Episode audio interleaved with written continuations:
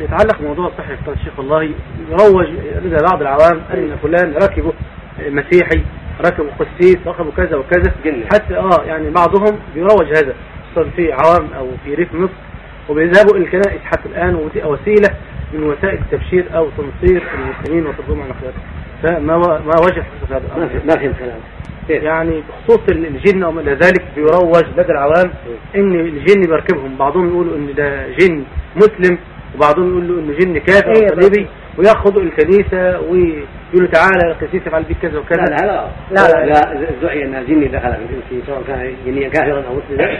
فالقراءة تكون للمسلم. لا يقرا المسلم يقرأ عليه المسلم يقرأ عليه القرآن ويتوعده ويذكره بالله وأن الله حرم عليه ظلم هذا الرجل وظلم هذه المرأة ويتوعده بذلك ويأخذ السلاح ويقول من هذا قتلته؟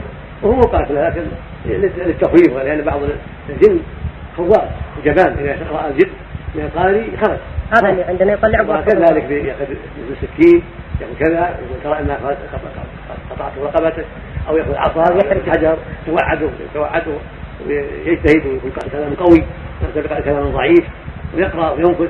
لا ينفع في غالبا ينفع هذا غالبا ويعاهد أن لا يعود أيضا